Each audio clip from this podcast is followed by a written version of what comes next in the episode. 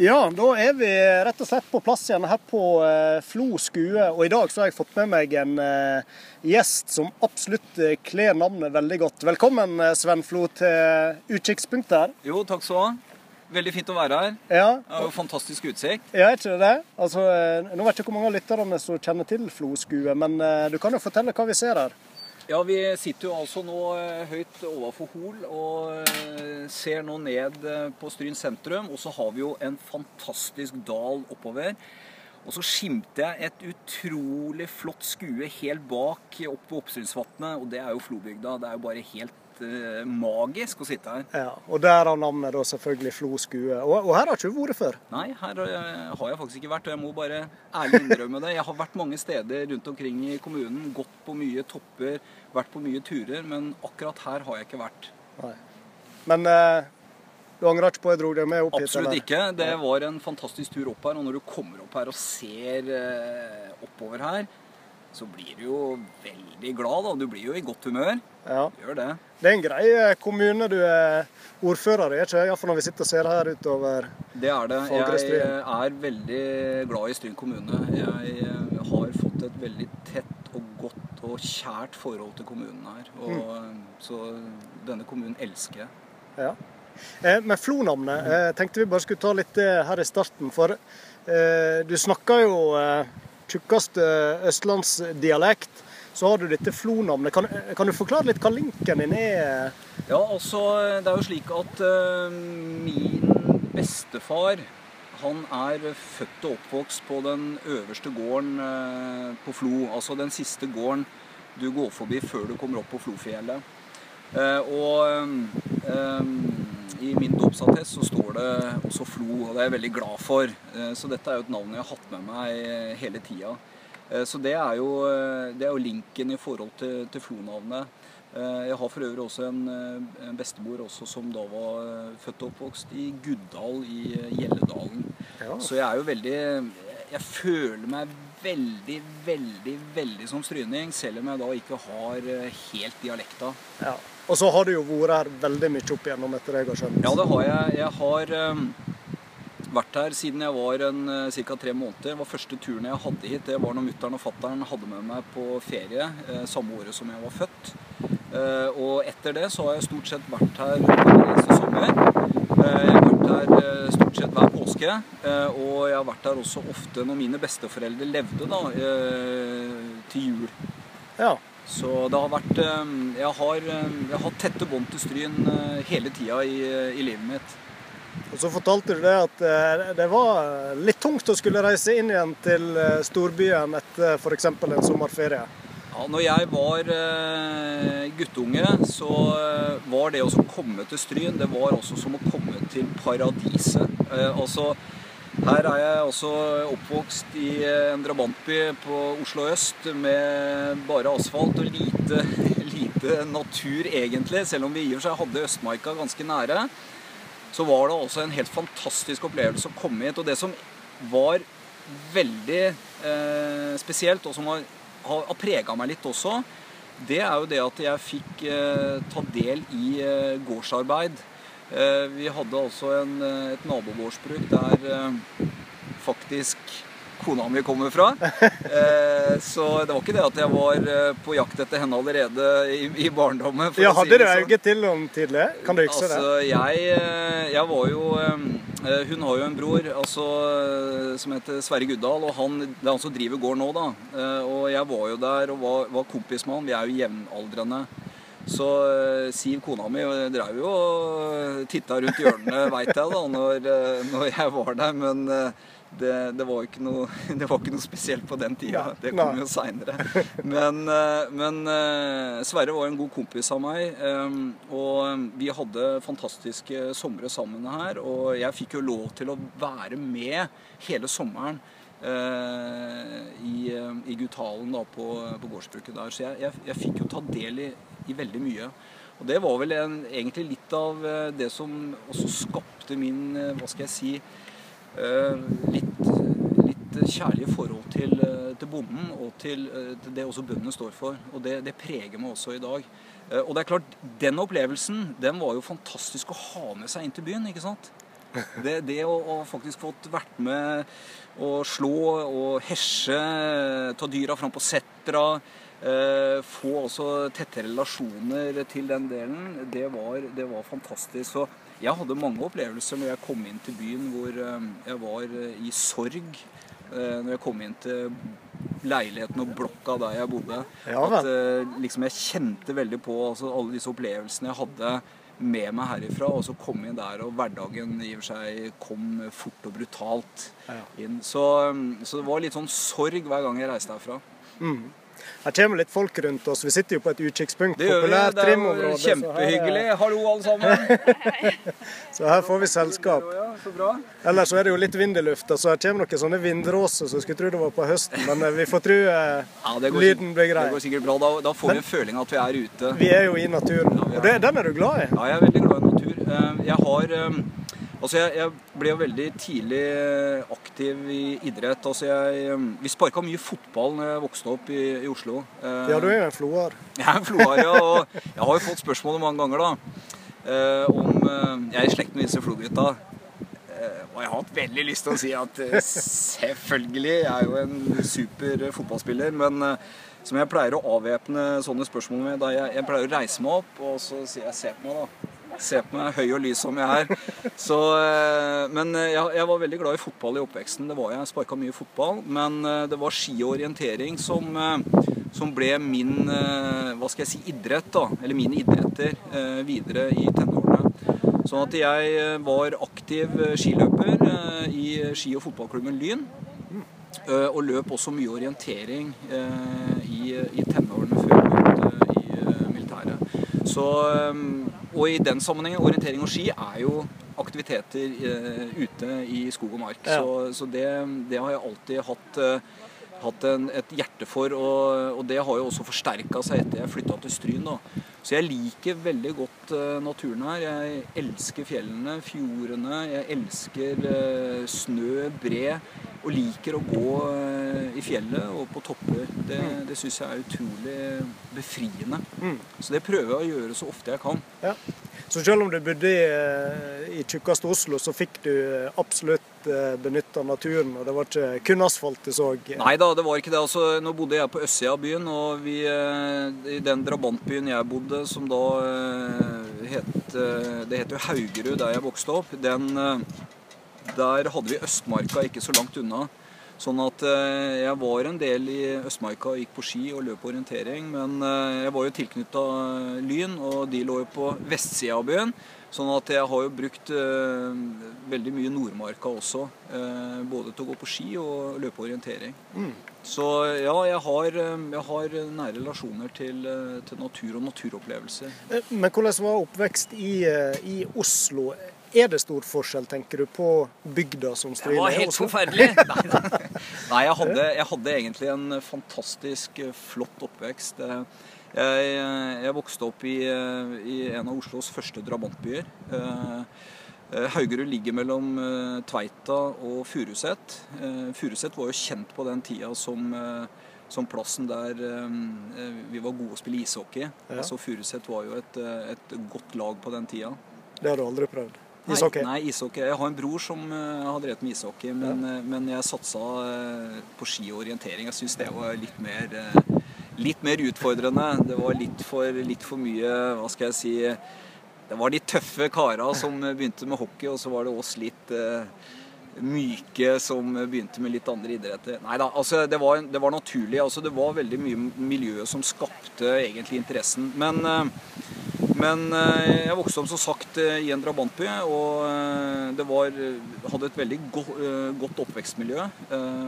Oslo har jo endra seg betraktelig i forhold til sånn som jeg følte min oppvekst. Trygg, god, sikker. Kunne bevege meg stort sett overalt uten å føle bekymring. Foreldrene ikke de store bekymringene for at vi var ute seint om kveldene.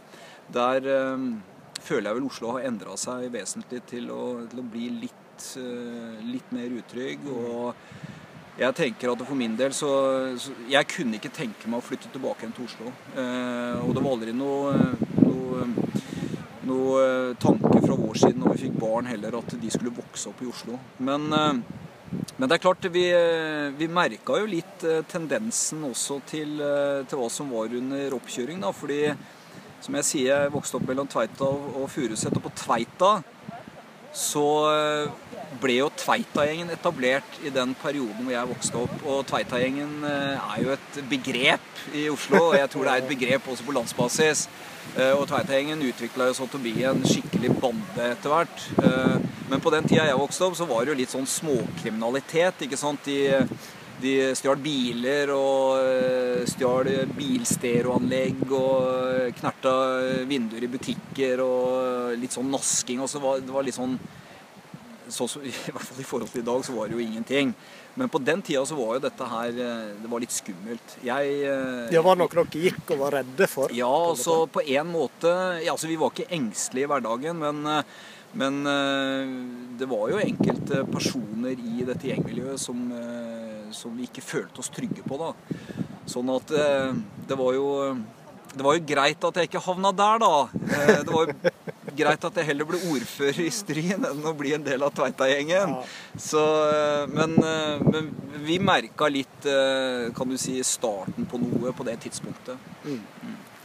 Men så eh, havna du etter hvert i Forsvaret og, og, og gjorde en karriere der. Hva var det som fikk deg inn dit og gjorde at du eh, ble ganske mange år i Forsvaret? Ja, var eh, Det ble mange år i Forsvaret. og eh, det som, det som, skapte interessen for Forsvaret, var vel Jeg hadde en far som var i Heimevernet i Østmarka HV-området. Og han jeg ble, var jo litt fascinert da når han kom hjem i uniform og sånne ting. Eh, uten at jeg, jeg, tenkte så veldig mye på det på det tidspunktet at dette kanskje kunne være en, en karrierevei. Men eh, ved at fattern var en del av, eh, av Heimevernet der, så eh, tok han meg med eh, og introduserte meg for Hovungdommen.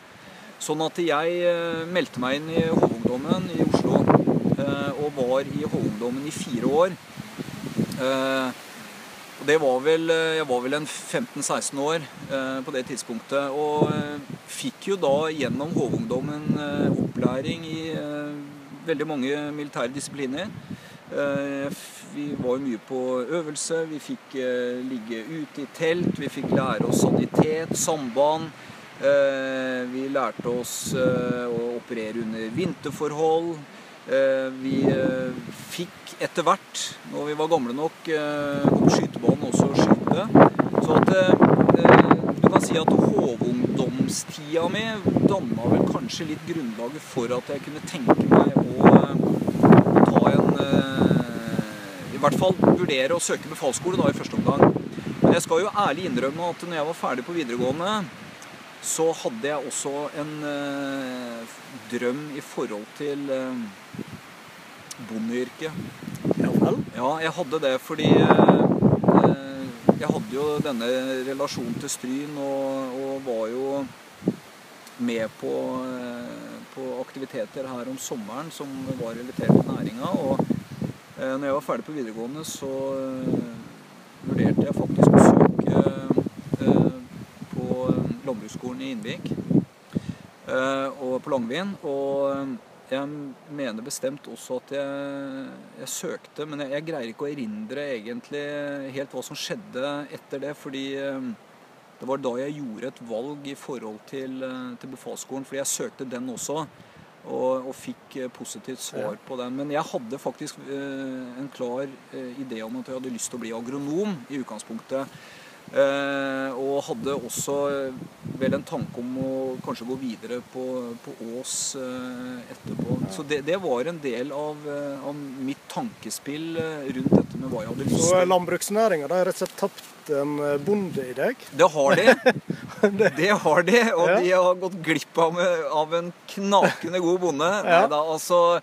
Eh, jeg hadde, jeg hadde, vel et ønske på et tidspunkt å ta utdanning innafor den retningen og, og, komme meg hitover og kanskje få meg et gårdsbruk. Um, uh, men som sagt, jeg søkte også befalsskole på det tidspunktet og kom inn på Ingeniørvåpenets befalsskole på Valsmoen.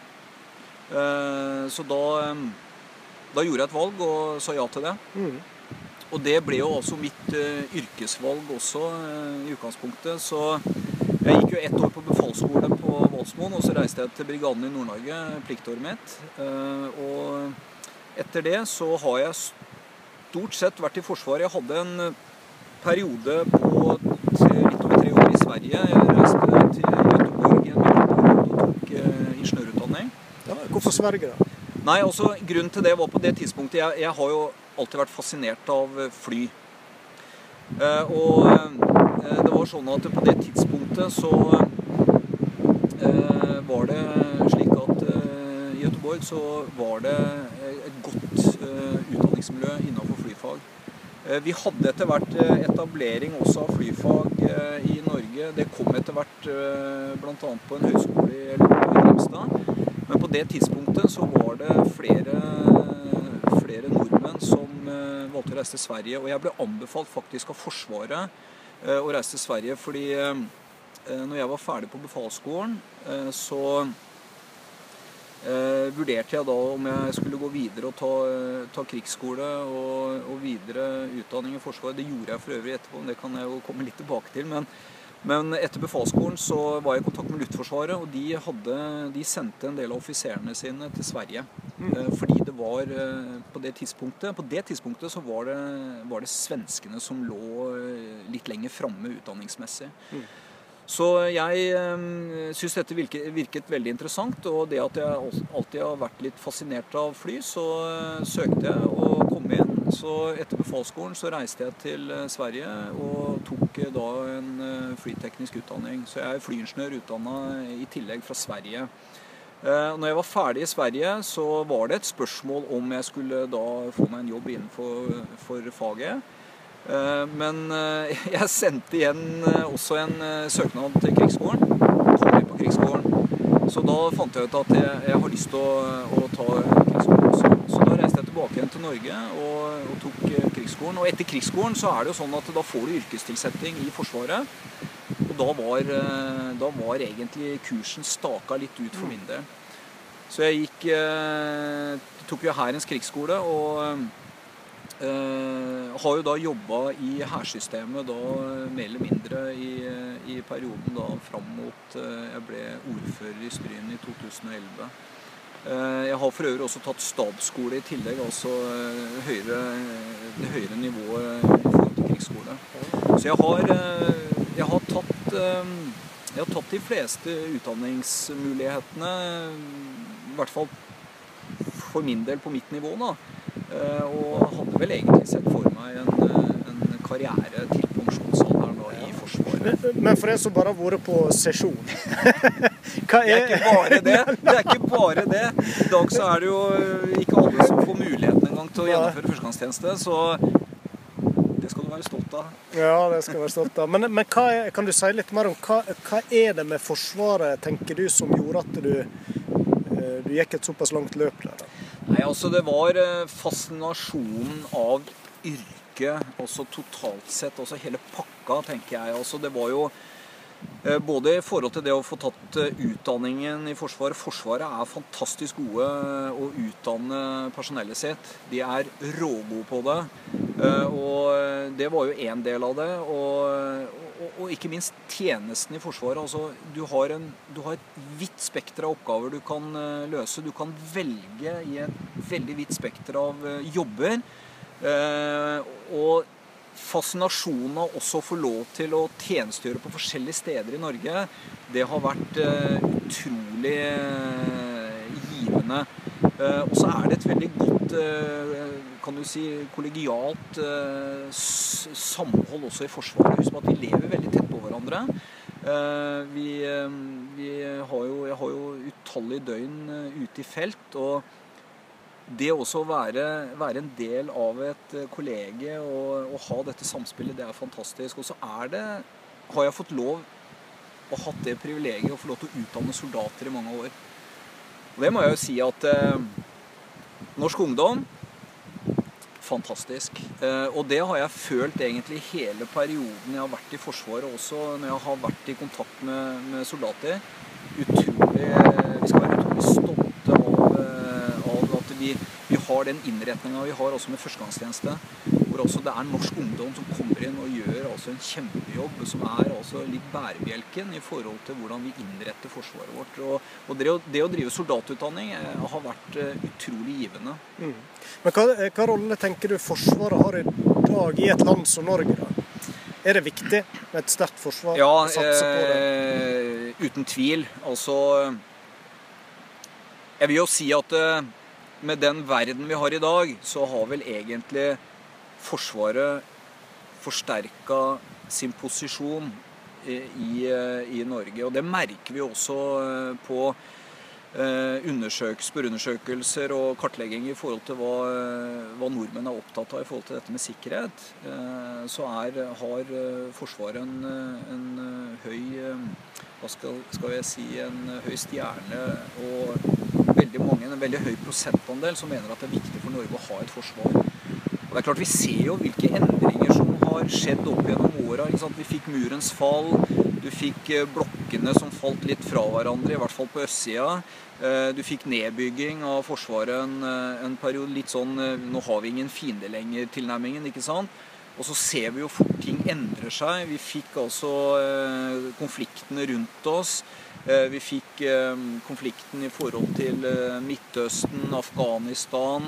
Vi, vi, så jo en periode Vi har jo hatt, hatt engasjement også i, i, Libanon i mange år. Men vi, vi ser jo at det, det internasjonale samfunnet endra seg veldig. Plutselig fra å ha denne blokktenkningen, litt nedbygging, så var det fokus på internasjonale operasjoner. ikke sant? Så er det tona ned nå. Og så har vi igjen en, potensiell, eh, et potensielt uromoment øst for oss, ikke sant? i et ustabilt eh, Russland. Mm. Hvor vi altså ser igjen at Forsvaret igjen bygger opp rundt det nasjonale forsvaret og ønsker å styrke sin posisjon bl.a. I, i nordområdene. Så altså Forsvaret har jo vært i endring hele tida. Vi har måttet omstille oss hele tida i forhold til det det bildet som er rundt oss, og den, den trusselvurderinga som til enhver tid er. Eh, så svaret er helt klart ja, at Forsvaret har en viktig rolle eh, i forhold til den nasjonale sikkerheten eh, for Norge. Mm. Det, så har vi fått en viss president i USA. og Blir du betrygga av hans holdning til Nato f.eks.? Nei, altså Det er klart han har Er det noe som bekymrer deg? Nei, altså, altså jeg er ikke bekymra på Norges vegne. Det er jeg ikke. Jeg er ikke redd for en, en konflikt som skal eskalere, eh, som får eh, Som innebærer f.eks. en eh, invasjon, eller at, at vi skal komme i en utrygg situasjon. Selv om vi har et ustabilt Russland, og selv om vi etter hvert nå dessverre har fått en, et USA også som vi ikke helt kjenner igjen, Eh, så tror jeg nok at det er så sterke krefter også rundt, eh, rundt eh, kan du si, Trump at, at, han vil ikke kunne styre dette her aleine. Det, det, det, tror jeg ikke noe på. Sånn at Nato vil bestå. USA vil være en veldig viktig alliert for Norge. Og jeg er mer bekymra for det som skjer nå i forhold til, til terror. Og, og der er jeg veldig opptatt av at Norge ikke må innta en naiv tilnærming til dette at ja, det skjer i Frankrike, det skjer i Storbritannia, det skjer alle andre steder, men ikke i Norge. Det, skjer, det skjedde også i Sverige, det skjedde i Stockholm. Eh, et land vi gjerne liker å sammenligne oss med. Eh, sånn at, eh, at terrorbiten, altså det som nå vi opplever rundt oss, det er vel kanskje det som i større grad er min bekymring, hvis jeg skal tenke på kan du si, eh, trusler mot, eh, mot Norge. Mm. Syns du vi bør eh, bekymre oss, bør vi tenke hvor vi legger nei, sommerferien? Nei, altså, altså, jeg, jeg, ja, altså, jeg, Når du spør meg om dette med, med, hva altså i forhold til om jeg er bekymra i forhold til dette med, med eventuelt hvorfor vi skal ha Forsvaret og alt dette her, så er jeg ikke bekymra for de, de, store kan du si, tankene om f.eks. en krig. Eh, men jeg er bekymra for, eh, for, den utviklinga vi ser innenfor terror. Men, men, men, jeg er veldig raskt eh, på å si også at det, det er altså ikke de som skal definere vårt liv. Ditt og mitt liv og andres liv, verken her i Stryn eller i Norge. Sånn at det er viktig at vi, vi lever våre liv og, og, slår ring rundt i og for seg det åpne samfunnet og den, det demokratiet vi har. Men vi skal ikke være naive i den forstand at eh, vi også skal ha systemer. og Det er derfor jeg sier at Forsvaret vil ha en rolle også i en sånn setting. Politiet er en viktig aktør i en sånn setting. og Derfor er jeg veldig opptatt av at eh, vi må, vi må styrke oss der vi kan styrke oss, for også å kunne ivareta sikkerheten for, eh, for Norges befolkning hvis sånne ting skulle inntreffe. Men, eh, men, vi skal ikke gå og bekymre oss eh, hver morgen vi står opp at eh, vi er redd for at det skal skje noe i Stryn sentrum eller i, i Oslo sentrum. Men vi skal, ikke, vi skal også ta, ta forhåndsreglene. Men forhåndsreglene det er det også andre som skal ivareta. Altså Det mener jeg politi, forsvar og andre skal, skal påse at vi faktisk kan leve disse trygge og gode livene våre. Men, men terrorbiten, den, den liker jeg ikke. Jeg liker ikke den utviklinga vi ser rundt oss. Det er, det er feige handlinger. Eh, og vi bør eh, sammen med allierte og andre land eh, jobbe knallhardt for å få bukt med dette her så fort som mulig, før dette setter seg. Mm. Men du Sven, etter så egentlig flytta litt rundt hit og dit i Norges land i jobben i Forsvaret, så enda du jo opp til, i Stryn i tidlig 2000-tall. Ja, vi gjorde det. Og der var du pådriver, etter jeg har skjønt? ja, jeg var Ikke kona di som er oppvokst i stedet. Nei, det stemmer faktisk, det. altså. Eh, I 2002 så bodde vi på Hønefoss på Ringerike. Eh, jeg satt som personalsjef på eh, ingeniørregimentet.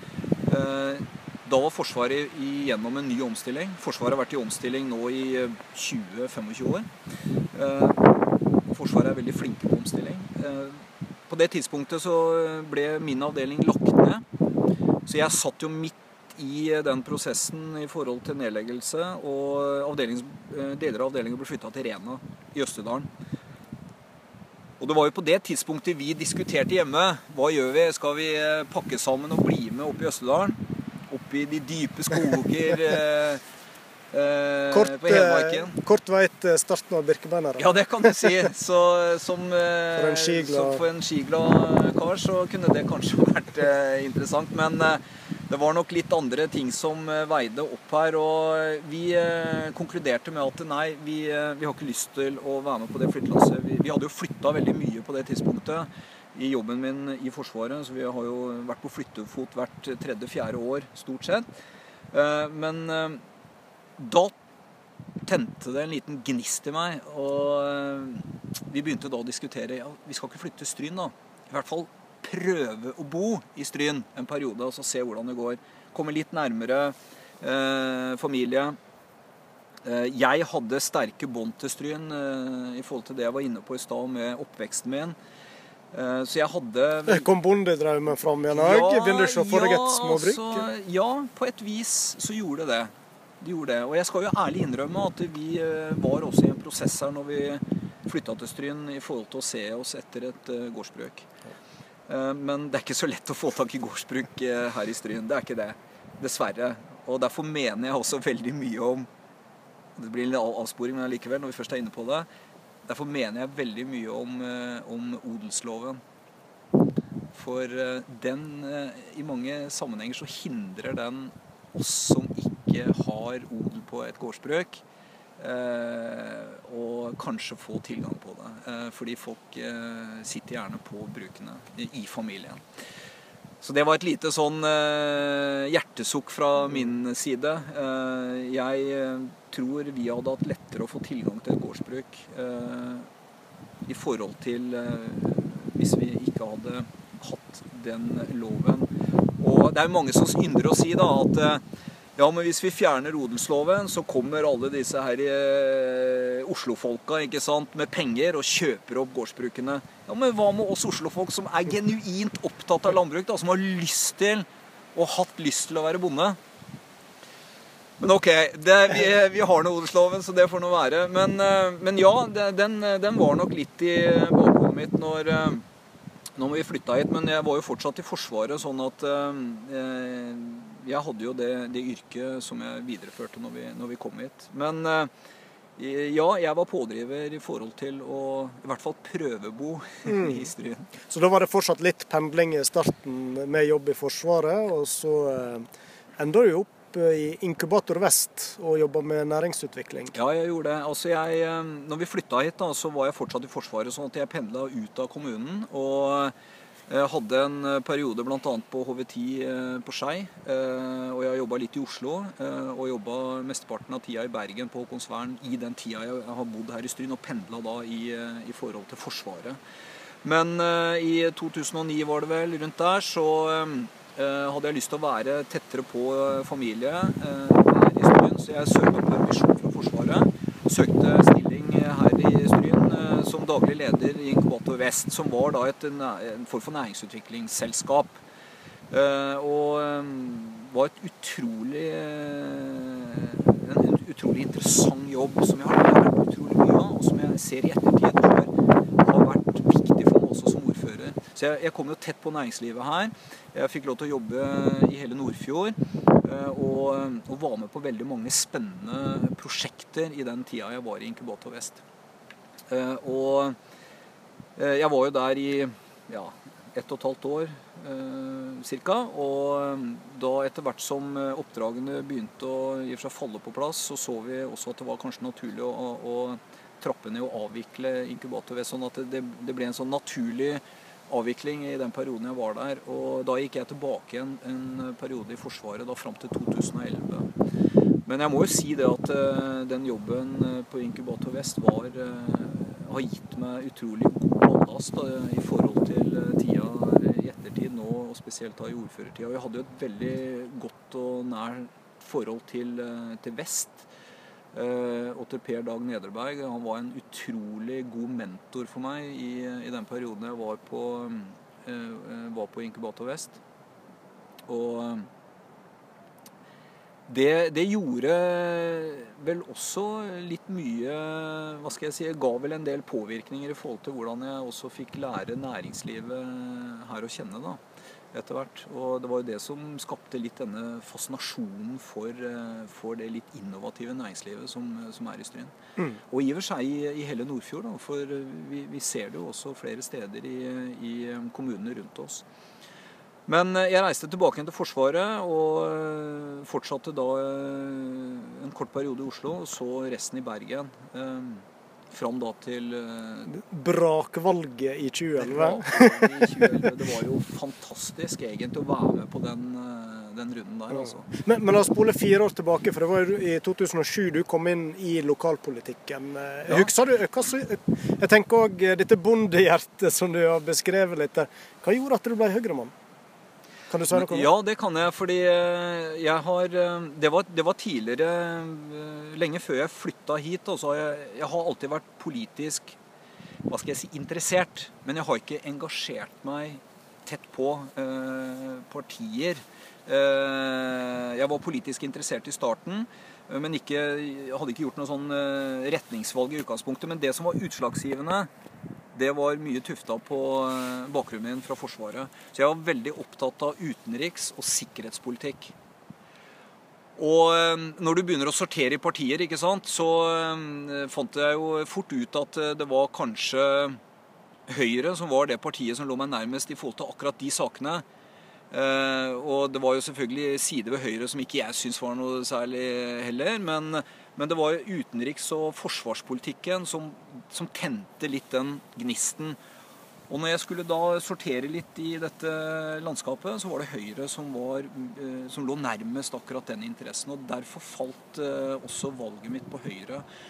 Eh, men Hva som gjorde du begynte å engasjere deg i Stryn etter hvert? Du bodde der jo noen år? da? Ja, men det, det, det, skjedde ganske fort, skjønner du. fordi når jeg flytta hit i 2002, så var det vel allerede i 2003-2004 jeg fikk kobling til Stryn Høyre. Og, og ble tidlig kobla til aktivitetene her. Og ble også fort innlemma i styret. Og ble fort også lokal leder i Stryn Høyre. Sånn at eh, jeg kom veldig fort inn i Høyre-familien her og ble godt eh, tatt vare på. Eh, Anne Margrethe Tonning var min mentor i, i, i Stryn Høyre. Eh. Og hun har gitt meg veldig mye i forhold til å liksom bygge opp interessen eh, lokalt her. Så jeg var veldig tidlig på egentlig Stryn Høyre. Men, men som du beskriver litt, er du en, har du alltid vært en litt ledertype? Du, når du først går inn i det, så går du inn med begge beina og mer til?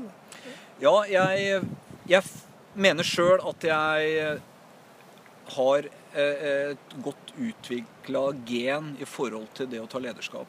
Eh, Det å, å være engasjert, det å ta ansvar, det har ligget eh, mye i meg. Og det er mye av det jeg har hva skal jeg si, bygd opp i den tida mi i Forsvaret. Altså vi, vi som offiserer har jo behov for å være også omsorgspersoner. Og spesielt i den tida hvor du utdanna soldater, så, så var du en Selv om jeg også på mange måter var i starten i hvert fall like gammel som soldatene, eh, så ble du en farsfigur på en måte. Også Du ble en, en, en sterk støttespiller til og, og, og i den settingen så bygger du opp, også opp kompetanse i forhold til dette her. Eh, Men, eh, men jeg har nok det genet med meg at eh, det å, det å ta lederskap, det å være eh, i front, det å vise, vise ansvar, ta ansvar, det, det har vært en viktig del. eh, Og det, det kjenner jeg litt igjen også i, i forhold til politikken. Eh, Det at eh, man tør å være framoverlent, være der framme, ta ansvar, ikke være redd for å, å kan du si, ta i ting. Eh, ikke gjemme deg bort når det blåser. Mm. og Du er ikke konfliktsky, skjønner jeg. Nei, altså for meg så er ikke det så Om jeg blir sparka og spytta på, så, så tåler jeg det. Eh, og jeg står rakrygga jeg, for det jeg står for, og så får, andre mene det motsatte. Men, men eh, jeg, jeg blir ikke slått til bakken av den grunn. Eh, Jeg mister ikke, kan du si Du, du får ikke lyst til å snu i konflikter heller, fordi det- det blir ubehagelig? Nei, det gjør jeg ikke. Altså, har jeg tro på noe, så er jeg fast bestemt på, for å, å kjempe for, for det jeg tror på. Men jeg også er såpass ydmyk at hvis jeg erkjenner at jeg tar feil, ja, så tar jeg feil, og da erkjenner jeg det, og så får jeg heller da eh, endre kurs eller gå tilbake på, på ting. Så, så jeg, jeg trumfer ikke gjennom ting eh, hvis jeg innerst inne veit at dette her er riv ruskende galt. Altså. Eh, det gjør jeg ikke. Så, og det er der kanskje litt ansvaret kommer inn også. ikke sant? Eh, å føle at, eh, at eh, du, du også skal ta det ansvaret hvis, hvis ting går i feil retning. Så, men, eh, men jeg, med bakgrunnen i Forsvaret så har, har det å ta, ta lederskap, det å, å være i front, det har vært en veldig naturlig del av, eh, av yrket mitt. Eh, Og, og det kjenner jeg litt på også nå i forhold til det å være politiker, og spesielt kanskje når jeg er ordfører. Altså jeg, jeg sitter nå her som den fremste politiske valgte og skal representere Stryn kommune. Jeg skal representere innbyggerne. eh, Og da må jeg også være i front. Mm. Er jeg ikke det, så mener jeg at jeg ikke er en god ordfører. Så du tidlig for deg eh, at ordfører, eh, var ordførerjobben en ambisjon etter hvert, når du kom inn? Nei, altså jeg har, ikke, jeg har aldri hatt noen politiske ambisjoner. Jeg har vært veldig veldig opptatt av at jeg skal gjøre en best mulig jobb der jeg er til enhver tid. Og så får ting komme som det kommer. Og jeg tenker at eh, posisjonene du får, eh, er basert på hva du leverer og hva du presterer. Eh, jeg har, selv om jeg har, føler at jeg er framoverlent og, og tar lederskap, så har jeg aldri hatt spisse albuer. Jeg har aldri dytta folk til side for å komme først i køen. Har, der er jeg ikke. Og det har, det har det heller ikke vært i forhold til, til politikken. Og derfor er jeg vel kanskje en politiker som misliker mye av eh, hva skal jeg si, debattklima i norsk politikk. eh, Hvor altså det er stort sett å sparke og spytte på hverandre. eh, Og i større grad også å ta de gode diskusjonene. Få fram et budskap. Og for meg, når det gjelder å bli ordfører i Stryn altså Jeg sa ja til å stå på Høyrelista i 2011. Eh, Jeg sa ja til å stå øverst. Eh, Og eh, da var det viktig for meg å drive en god valgkamp, få fram et budskap eh, og gjøre innbyggerne kjent med meg. Fordi Jeg har jo pendla mye ut og inn av kommunen, sånn at det var jo mange stryninger som ikke visste hvem Sven Flo var i 2011. Ja, ja. Men allikevel så gjorde vi et kjempegodt valg. Hva la du vekt på, husker du det, i valgkampen? da? Ja, altså jeg Husker du slagordet fortsatt? Ja, vi hadde vel, eh, vi hadde vel eh, flere kan du si, viktige saker som vi hadde i front. Men altså, eh, næringslivet var viktig. Dette med å tilrettelegge og være tydelig på at næringslivet må ha de rammevilkårene de trenger for å skape arbeidsplasser og vekst. Næringslivet er grunnplanken i et samfunn som Stryn. Så enkelt er det. Og jeg hadde som sagt litt med meg dette fra Inkubator Vest også, kunnskap om dette her. Men spilte du litt på de alliansene du hadde fra da, inn i en valgkamp? vil du si, eller? Nei, altså jeg, allianser i den forstand. Altså jeg brukte kunnskapen min eh, og erfaringene mine i valgkampen. Mm. Det gjorde jeg. Men jeg var også veldig opptatt av at Stryn kommune skal være en eh, framoverlent kommune. Det skal være en kommune med et ja-stempel. Vi, vi har jo brukt gjerne det i, i valgkampene våre, eh, både på det tidspunktet og også i 2015. Men vi ønsker å være en ja-kommune, og det å være en ja-kommune innebærer at vi må slutte å si nei til alt. Vi må være altså løsningsorienterte, og så må vi være hva skal jeg si, utøve litt skjønn. Vi må ikke være så regelstyrte og si at alt eh, Vi kan ikke gjøre det, alt går ikke fordi vi har regler som styrer oss. Vi må, vi må finne løsninger. og det, det var også et viktig budskap for oss å få fram i 2011, at vi, vi ønsker å å være mer framoverlente, være mer innovative. Også være på lag med innbyggerne. Altså, vi er nå tross alt valgt av innbyggerne våre. Kommunen, kommuneadministrasjonen er der på vegne av innbyggerne. De er der ikke pga. seg sjøl. De sitter, skal ikke sitte på sine kontorer fordi det gir de noe spesielt, og de kan heve lønna si en gang i måneden. De skal levere hver bidige dag i forhold til innbyggerne. Ellers så har ikke vi relevans. Og det har også jeg vært opptatt av i den rollen, eh, både i valgkamp, men også i, rollen som ordfører. At det, vi skal ha det banka inn i skallen hver dag vi går på jobb. At vi skal levere overfor innbyggerne våre. Og i det så ligger det da å levere gode tjenester, ta imot innbyggerne på en god og hyggelig måte, være løsningsorientert og hele tida også se mulighetene og ikke begrensningene. Det har vært viktig for meg. Nå er du inne i ditt sjette år som eh, ordfører i Stryn. Er det like kjekt, handa på hjertet, å være ordfører nå som eh, Som du ser, Aron, Aron, jeg tar hånda på hjertet og sier et rungende ja. Altså, jeg står opp om morgenen, selvfølgelig trøtt som alle andre. Eh, rister av meg søvnen. Eh, av og til spiser en frokost, det er ikke alltid jeg har tid til det. Pusser tennene mine. Så setter jeg meg i bilen og kjenner på denne her gode følelsen av at eh, nå skal jeg på jobb igjen. Jeg har jeg har aldri sovet dårlig en natt fordi jeg har grua meg til å gå på jobb, eller, eller følt at utfordringene har vært så store at jeg ikke makter de. Eh, Det har vært en glede hver eneste dag. Det er klart jeg møter masse utfordringer i jobben. Men det er jo kanskje det som også gjør at vi, vi, vi får litt framdrift. Det at du møter litt motstand, litt friksjon, det er bare sunt. Eh, Men jeg gleder meg hver dag, og det har vært også et privilegium for meg å være ordfører i Stryn eh, så langt. Og jeg, jeg, jeg elsker kommunen her. Jeg elsker stryningene. De er fantastiske å være ordfører for, altså. Det må jeg bare si. Og jeg, det, den jobben her, det er et privilegium. Men fortell oss nå, hvordan er en, en ordførerdag? Litt sånn typisk. Har du faste rutiner du skal innom? Går det an å si litt om hvordan er en Ja, altså det som er fastlåst for uh, ordføreren, det er uh, de møtene jeg har ansvaret for. Og jeg, det er to møter jeg har ansvaret for. Det er formannskapsmøter og kommunestyremøter. Det er mitt ansvar. Der er jeg møteleder, og det er jeg som da Sammen med administrasjonen er det administrasjonen som legger fram saker som de har jobbet med, selvfølgelig. Men eh, som ordfører så skal jeg også påse at de som ønsker å komme til formannskap og kommunestyre og orientere om utfordringer, problemstillinger eller gladsaker, de skal få den muligheten. Så jeg må da sy sammen eh, et opplegg for disse møtene. Eh, I tillegg så er det også viktig for meg å orientere om status i kommunen. eh, Saker som eh, rører seg, henvendelser som jeg får, eh, utfordringer eh, som dukker opp. også i disse møtene som jeg må forberede. Så formannskapsmøtet og kommunestyremøtet de er fastlåst, og de er jo spikra i datoer også på forhånd. Så det er, det er, de fastpunktene jeg har. Utover det så er ordføreren også egentlig overalt, alltid. Altså, jeg må være der folk ønsker at jeg skal være.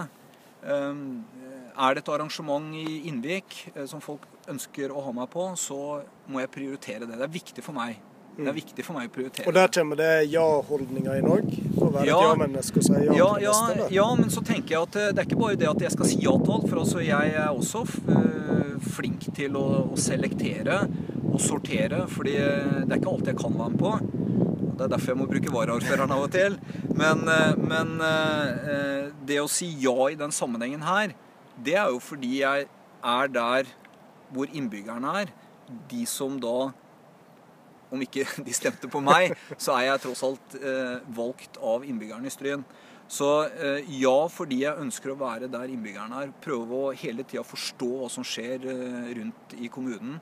Eh, føle litt på utfordringer, muligheter, alt det som måtte røre seg rundt omkring. Og Derfor må jeg være der. Det nytter ikke for meg å sitte nede på kontoret og se i en PC-skjerm.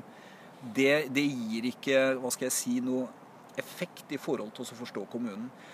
Så derfor, derfor ønsker jeg å være mest mulig ute. Og når folk ber meg om å møte på eh, et arrangement, eller klippe en snor, eller være med på et, en topptur, eller på et møte for den saks skyld, så prioriterer jeg det veldig høyt. Og det er alt det andre utafor disse faste møtepunktene.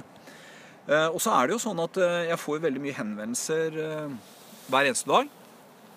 Og når du spør meg om jeg kan planlegge dagen Jeg kan planlegge de møtene, formannskap og kommunestyremøte, men når jeg kommer på jobb, så kan jeg godt ha lagt inn i kalenderen min et møte med rådmannen eller et møte med plansjefen, eller at det er en Eh, bedriftseier som vil ha et møte med oss. Men utover det så er dagen veldig prega også av eh, kan du si, oppdukkende ting.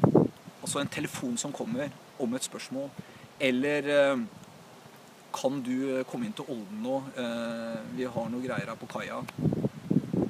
Sånne ting, det må jeg også hva skal jeg si, tilpasse i hverdagen min. Og I dag, f.eks., eh, godt eksempel. Vi, eh, jeg har hatt møte med Innovasjon Norge i dag på, på Hotell Alexandra i Loen. Og eh, jeg reiste inn, jeg var litt usikker på om det var asfaltarbeid på tur innover, sånn at jeg reiste litt tidlig.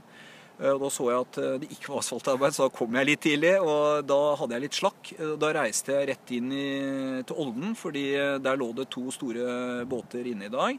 Eh, sånn som jeg forsto når jeg snakka med de på kaia, så var det litt over 5000 passasjerer. Fantastisk. Så det var et yrende liv der. Jeg var inne der, snakka litt med, med, eh, kan du si, mm, turistene som var på land. Hørte litt hvordan de hadde det. Jeg snakka litt med, med, de som har togene der inne. Var innom suvenirbutikken. Prøvde å, å, fange opp litt stemningen. Eh, tok litt bilder. Eh, greit å se hvordan ting funker der inne. Dette, dette, tenker du er viktig for jobben din? Dette er utrolig viktig for jobben som ordfører. Og skal jeg kunne utøve rollen min som ordfører, forstå hva som skjer i kommunen her, være i stand til å mene noe om det som skjer, så kan jeg ikke sitte nede på kommunehuset altså, og støve ned. Jeg må ut, og jeg må være der innbyggerne er. Det er, det er viktig for meg utrolig viktig for meg. Mm. Og det å utnytte alle døgnets timer omtrent, eh, er, kommer litt i den militære eh, strukturen til sin rett der, tenker du? Det er jo effektivitet og ja, Henger det sammen? Ja, jeg, jeg, tror det henger sammen. Altså, vi er jo øh, flaska opp på det i Forsvaret. Eh, altså Dette med struktur, dette med å, øh, å, ha ting i og for seg i riktig rekkefølge. Vi, vi er jo veldig gode på det å, å, å kan du si lage form for planer. Eh, det å skrive ordre, f.eks. Punktvise ordre, er jo jeg knallgod på. Og, og, det er klart, jeg tar med meg noe av dette her også inn i måten jeg tenker, tenker på som, eh, som ordfører. Men eh, Kan det bli for bang-bang òg? Får du tilbakemeldinger på det, eller det Nei, jeg, jeg har ikke Jeg har vel ikke fått direkte tilbakemeldinger på at, det blir, at jeg blir veldig militær og firkanta. eh, For det, det, det føler jeg faktisk jeg ikke er i den rollen som, som ordfører. Jeg er ganske lydhør, og jeg, jeg er egentlig en ganske god lytter. Selv om jeg er, eh, kan være framoverlent og ta lederskap, så er jeg, er jeg ganske god til å lytte, altså. Og jeg hører på det folk sier. Om jeg kan gjøre noe med det, eller om jeg gjør noe med det eh, fordi det ikke er mulig å gjøre noe med det, eller fordi jeg ikke vil gjøre noe med det, det er jo en helt annen sak. Men, men det å fange budskapet, det å prøve å forstå eh, og se om du kan gjøre noe med det, det, det, er- det er også viktig. Og det, det føler jeg at jeg gjør. Sånn at eh, det å ha denne her Ta denne temperaturen, føle stryn på pulsen, det er viktig når du skal beslutte ting her nede eh, på et senere tidspunkt. Og så må du være, du må være glad i å jobbe i en sånn jobb. Ja da, Dette det er ikke altså vanlig 37,5 timers Nei, uke, høres det det, ut som. Ja, ja, nei, altså jeg har faktisk ikke Jeg har ikke Jeg får en fast lønn. Du fører ikke timer. Nei, det, jeg, jeg har ikke lov til å føre timer. Altså, jeg får en fastlønn, jeg. Og den lønna får jeg om jeg jobber én time om dagen, eller om jeg jobber 24 timer i døgnet. Eh, Og jeg er jo heldigvis skrudd sammen sånn at jeg jobber eh, helst 24 timer i døgnet. Og eh, for min del så er det altså viktig på dagtid, når folk er våkne i kommunen her, å være der innbyggerne er. Og så får jeg heller bruke kveld og natt til å lese dokumenter og sånne ting. Så, så, og det krever jo selvfølgelig jobben min, at jeg er godt forberedt til disse møtene, formannskapsmøter eller kommunestyremøter. Så eh, jeg må bruke litt tid på kveld og natt i forhold til å pløye meg gjennom eh, mye papirer. Eh, og jeg, jeg vil jo av og til også måtte bruke selvfølgelig ettermiddag og kveld på kontoret også til, eh, til sånne ting. Forberedelser tilsvarende. Er det fritid oppi alt dette? her? Nei, altså fritid jeg, Kan du sløve deg? Kan du ta deg, altså spandere på deg litt tid i sofaen med laptopen, se en serie på Netflix, sånn som vi andre vanlige ja, tenker du når jeg, kom, når jeg kommer hjem? Ja. Ja, det kan jeg. Det Ja. kan jeg. Men eh, sånn som jeg gjerne definerer ordførerrollen Altså, eh, du er ordfører 24 timer i døgnet. Du er ordfører sju dager i uka, eh, 365 dager i året.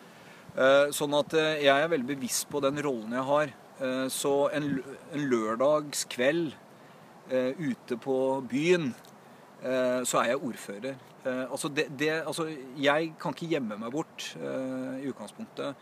Og det syns jeg er helt greit. Men det, det innebærer også at, at jeg, jeg føler at jeg er ordfører hele tida. Og det har jeg også lagt opp til. eh, sånn at eh, hvis jeg ønsker å, å ha en frikveld på byen her, så, så aksepterer jeg at eh, folk oppfatter meg som ordfører og har lyst til å også snakke til meg og også ta opp problemstilling, selv om det er- deilig å få lov til å, å sitte og ta seg en øl på vertshuset også en kveld uten å, eh, uten å snakke politikk. Men, men jeg erkjenner at eh, rollen min som, eh, som ordfører, den, den, den, er, eh, den er der hele tida. Men, Og, og da innretter du deg også deretter. men føler du rom til å være seg sjøl? 100% òg? Ja, det gjør jeg. Og, og det, det er jeg jo også. Altså jeg Når jeg er hjemme, så er jeg meg sjøl. Du kan jo spørre kona mi hva hun syns om det. Men Det er ikke alltid jeg er helt til stede. Men, men, eh, men hjemme kan jeg absolutt være meg sjøl. Og jeg, jeg bor jo på et lite småbruk eh, oppe i Gjelledalen. ikke sant? Jeg kommer meg litt ut av sentrum og litt bort. Ja.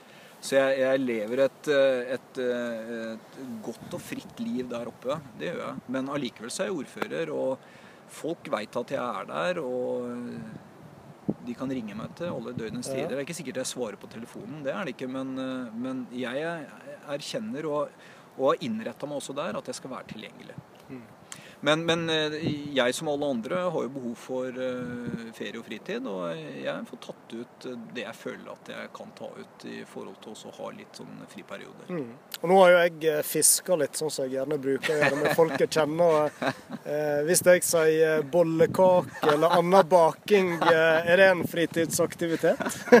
det har blitt forferdelig lite av det etter jeg ble ordfører, men Men du liker å bake? ja, jeg liker å bake. Og hvis jeg eh, Det har jeg tenkt mye på når, når det Ikke nødvendigvis eh, etter jeg ble ordfører, da, men eh, når det har blåst som tøffest og det har vært krevende, og du føler at jobben den har du med deg hele døgnet, så har jeg av og til tenkt at Tenk å være baker, da. Det måtte ha vært fantastisk. Altså, du, du står opp tidlig om morgenen, og det har ikke i og for seg noe problem. De står vel egentlig opp veldig tidlig. Men det å få bake boller og brød og gode kaker, og så eh, være ferdig med det tidlig på, på morgenen, og så ha fri resten av dagen uten bekymringer for verken det ene eller det andre før du går løs igjen, det er en litt sånn befriende tanke. Ja, jeg har alltid vært glad i å bake. Eh, Jeg var jo eh, en periode ungkar og spellemann, ikke sant? Eh, Etter jeg begynte i Forsvaret, og, og bodde jo mange år i Nord-Norge aleine. Og da, da utvikla jeg gode kan du si, rutiner på det å bake. Og bollekake er jo en av mine Hva er bollekake? Bollekake, du, du lager altså boller på vanlig måte. Og så eh, legger du disse eh, bollene i en, eh, i en rund form. Rundt. Med en bolle i midten. Og så når det hever, sant, så, så legger dette seg inn i hverandre og blir en fantastisk form. Og når det er ferdig stekt, og tar det opp, så kan du også bryte disse kan du si, delene fra hverandre. Og få et slags brytebrød, da, egentlig. Ja. Men jeg har med meg litt eh, oppskrift og ideer fra Sverige. Eh, jeg er veldig fascinert av svensk brød. Jeg vet at det er mange nordmenn som hater svensk brød fordi det er mye søtt i det, og det er sirup og alt mulig rart i det. Men jeg tok med meg litt derifra, og så har jeg eksperimentert litt sjøl når jeg kom tilbake til Norge. Eh, Så jeg har en eh, Så du har din egen oppskrift? jeg har en egen oppskrift, en ja. hemmelig oppskrift på bollekake. Og den, eh, den bollekaka er knallgod, altså. Og det er spesielle anledninger? Da. Ja, det er spesielle anledninger. men nå er det lenge siden jeg har fått bakt bollekake. Så eh, tenker, når vi snakker om det, så kjenner jeg at jeg har veldig lyst til å bake. Ja, Vi har jo en sommer foran oss, kanskje det er rom for å Ja, bake litt. Men ellers så er jeg veldig, jeg er veldig glad i kaker, da. Det er jeg. Jeg, jeg elsker kaker. Det er en annen ting jeg òg har fått tips om. Hvis du får en melding fra ei viss svigerinne, så er du snar å komme. Ja, jeg har ei svigerinne som heter Eva, og Eva Guddal, og hun er jo helt rå på å bake kake. Og det, det er for øvrig svigermora mi også, så jeg har jo vært dritheldig i forhold til å komme inn i en sånn kakefamilie. For jeg har alltid vært uh, utrolig glad i søtsaker, og, og kaker spesielt. Eh, elsker marsipankake, eh, sjokoladekake, bløtkake. Eh, skolebrød. Uh, smultboller. og det er bare Jeg kjenner at uh, Nå får jeg veldig lyst på det. Og når, og når dere da setter dere til bords, hva er det du da gjerne sier? Dere sitter Men nå skal vi kose oss!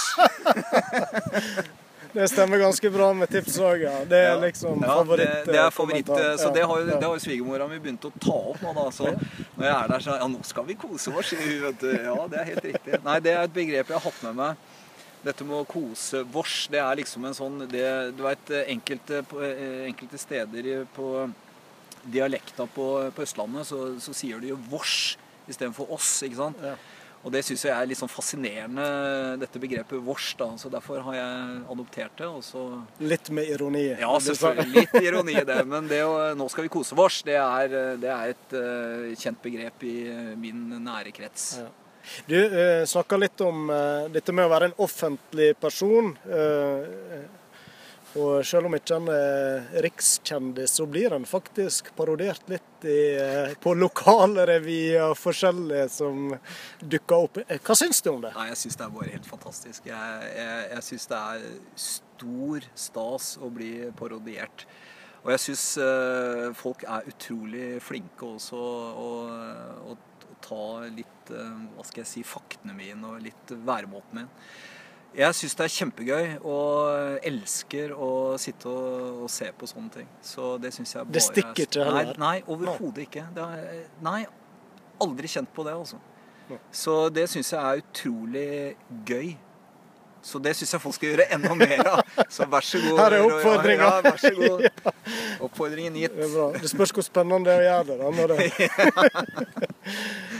Eh, og så har du eh, gått til innkjøp eh, av en eh, viss bil.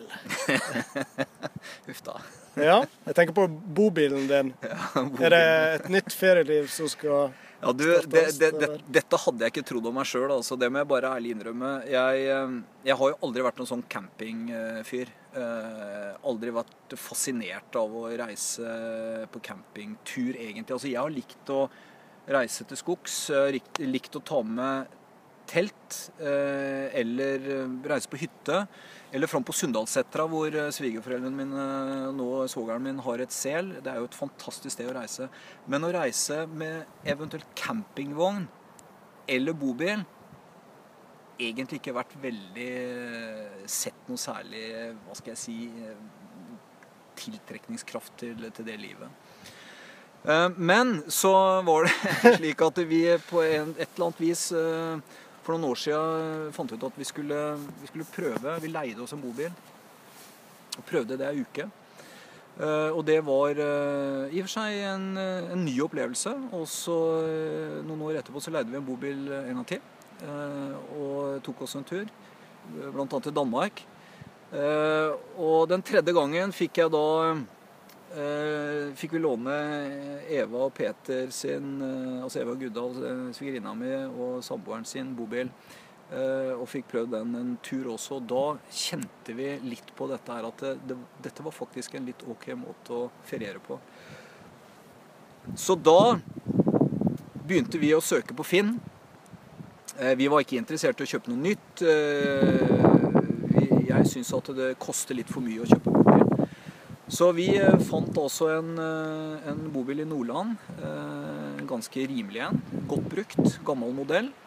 Og fant ut at ok, la oss prøve det, da. Så vi reiste, jeg og Siv, heiv oss på toget oppover. Og så henta ned en bobil seint i fjor, langt utpå høsten. Så vi fikk én tur, og det var opp til Grotli, før han måtte stalles for vinteren.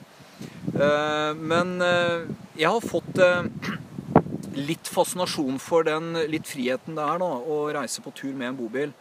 Uh, og jeg liker å kjøre. Jeg elsker å kjøre bil. Uh, og jeg, kan, jeg kjører mye. Uh, og aldri blitt lei av å, å farte på sånn sett.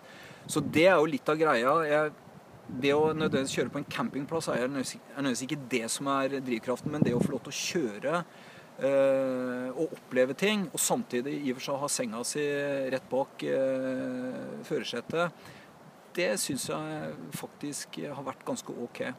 Så det er jo første sesongen nå, da. Vi prøver dette her. Så får vi se. Hvis dette her blir vellykka, så kanskje vi fortsetter. Hvis dette her blir bare helt tragisk, så får vi bare selge den. Eh, Så vi, eh, vi skal prøve i hvert fall. Så får vi se. Men det blir iallfall en bubilferie i, i sommer. Ja, det For du tar deg ferie? Ja, jeg har tenkt å ta eh, et par uker ferie i sommer. Og vi har ikke helt bestemt oss, men eh, kanskje en tur til Nord-Norge. Jeg har jo en veldig sånn eh, hva skal jeg si, drivkraft i meg i forhold til Nord-Norge. Jeg har bodd her i mange år og har et, et, også et nært kjærlighetsforhold til Nord-Norge. Men det slår ikke Stryn. Eh, Det er, eh, det, er, det er det jeg elsker aller mest. Men eh, etter, ettersom jeg har bodd i Nord-Norge i mange år, eh, lært nordlendingen å kjenne, fått de tett på, eh, lært å, å leve under alle årstider i Nord-Norge, så, så har jeg lyst til en tur nordover. Så det er kanskje det vi velger. Vi får se. Mm. Ellers kanskje bobilen blir det nye valgkampvåpenet òg, eller reise rundt i Ja, jeg, jeg, jeg veit jo at det er mange som benytter seg av bobil under valgkampene, da. Men eh, jeg, jeg veit ikke. Jeg får se. Det blir til feriebruk. Det blir til ferie. Jeg tror jeg skal eh, begrense det til det, ja. ja. Jeg tror det.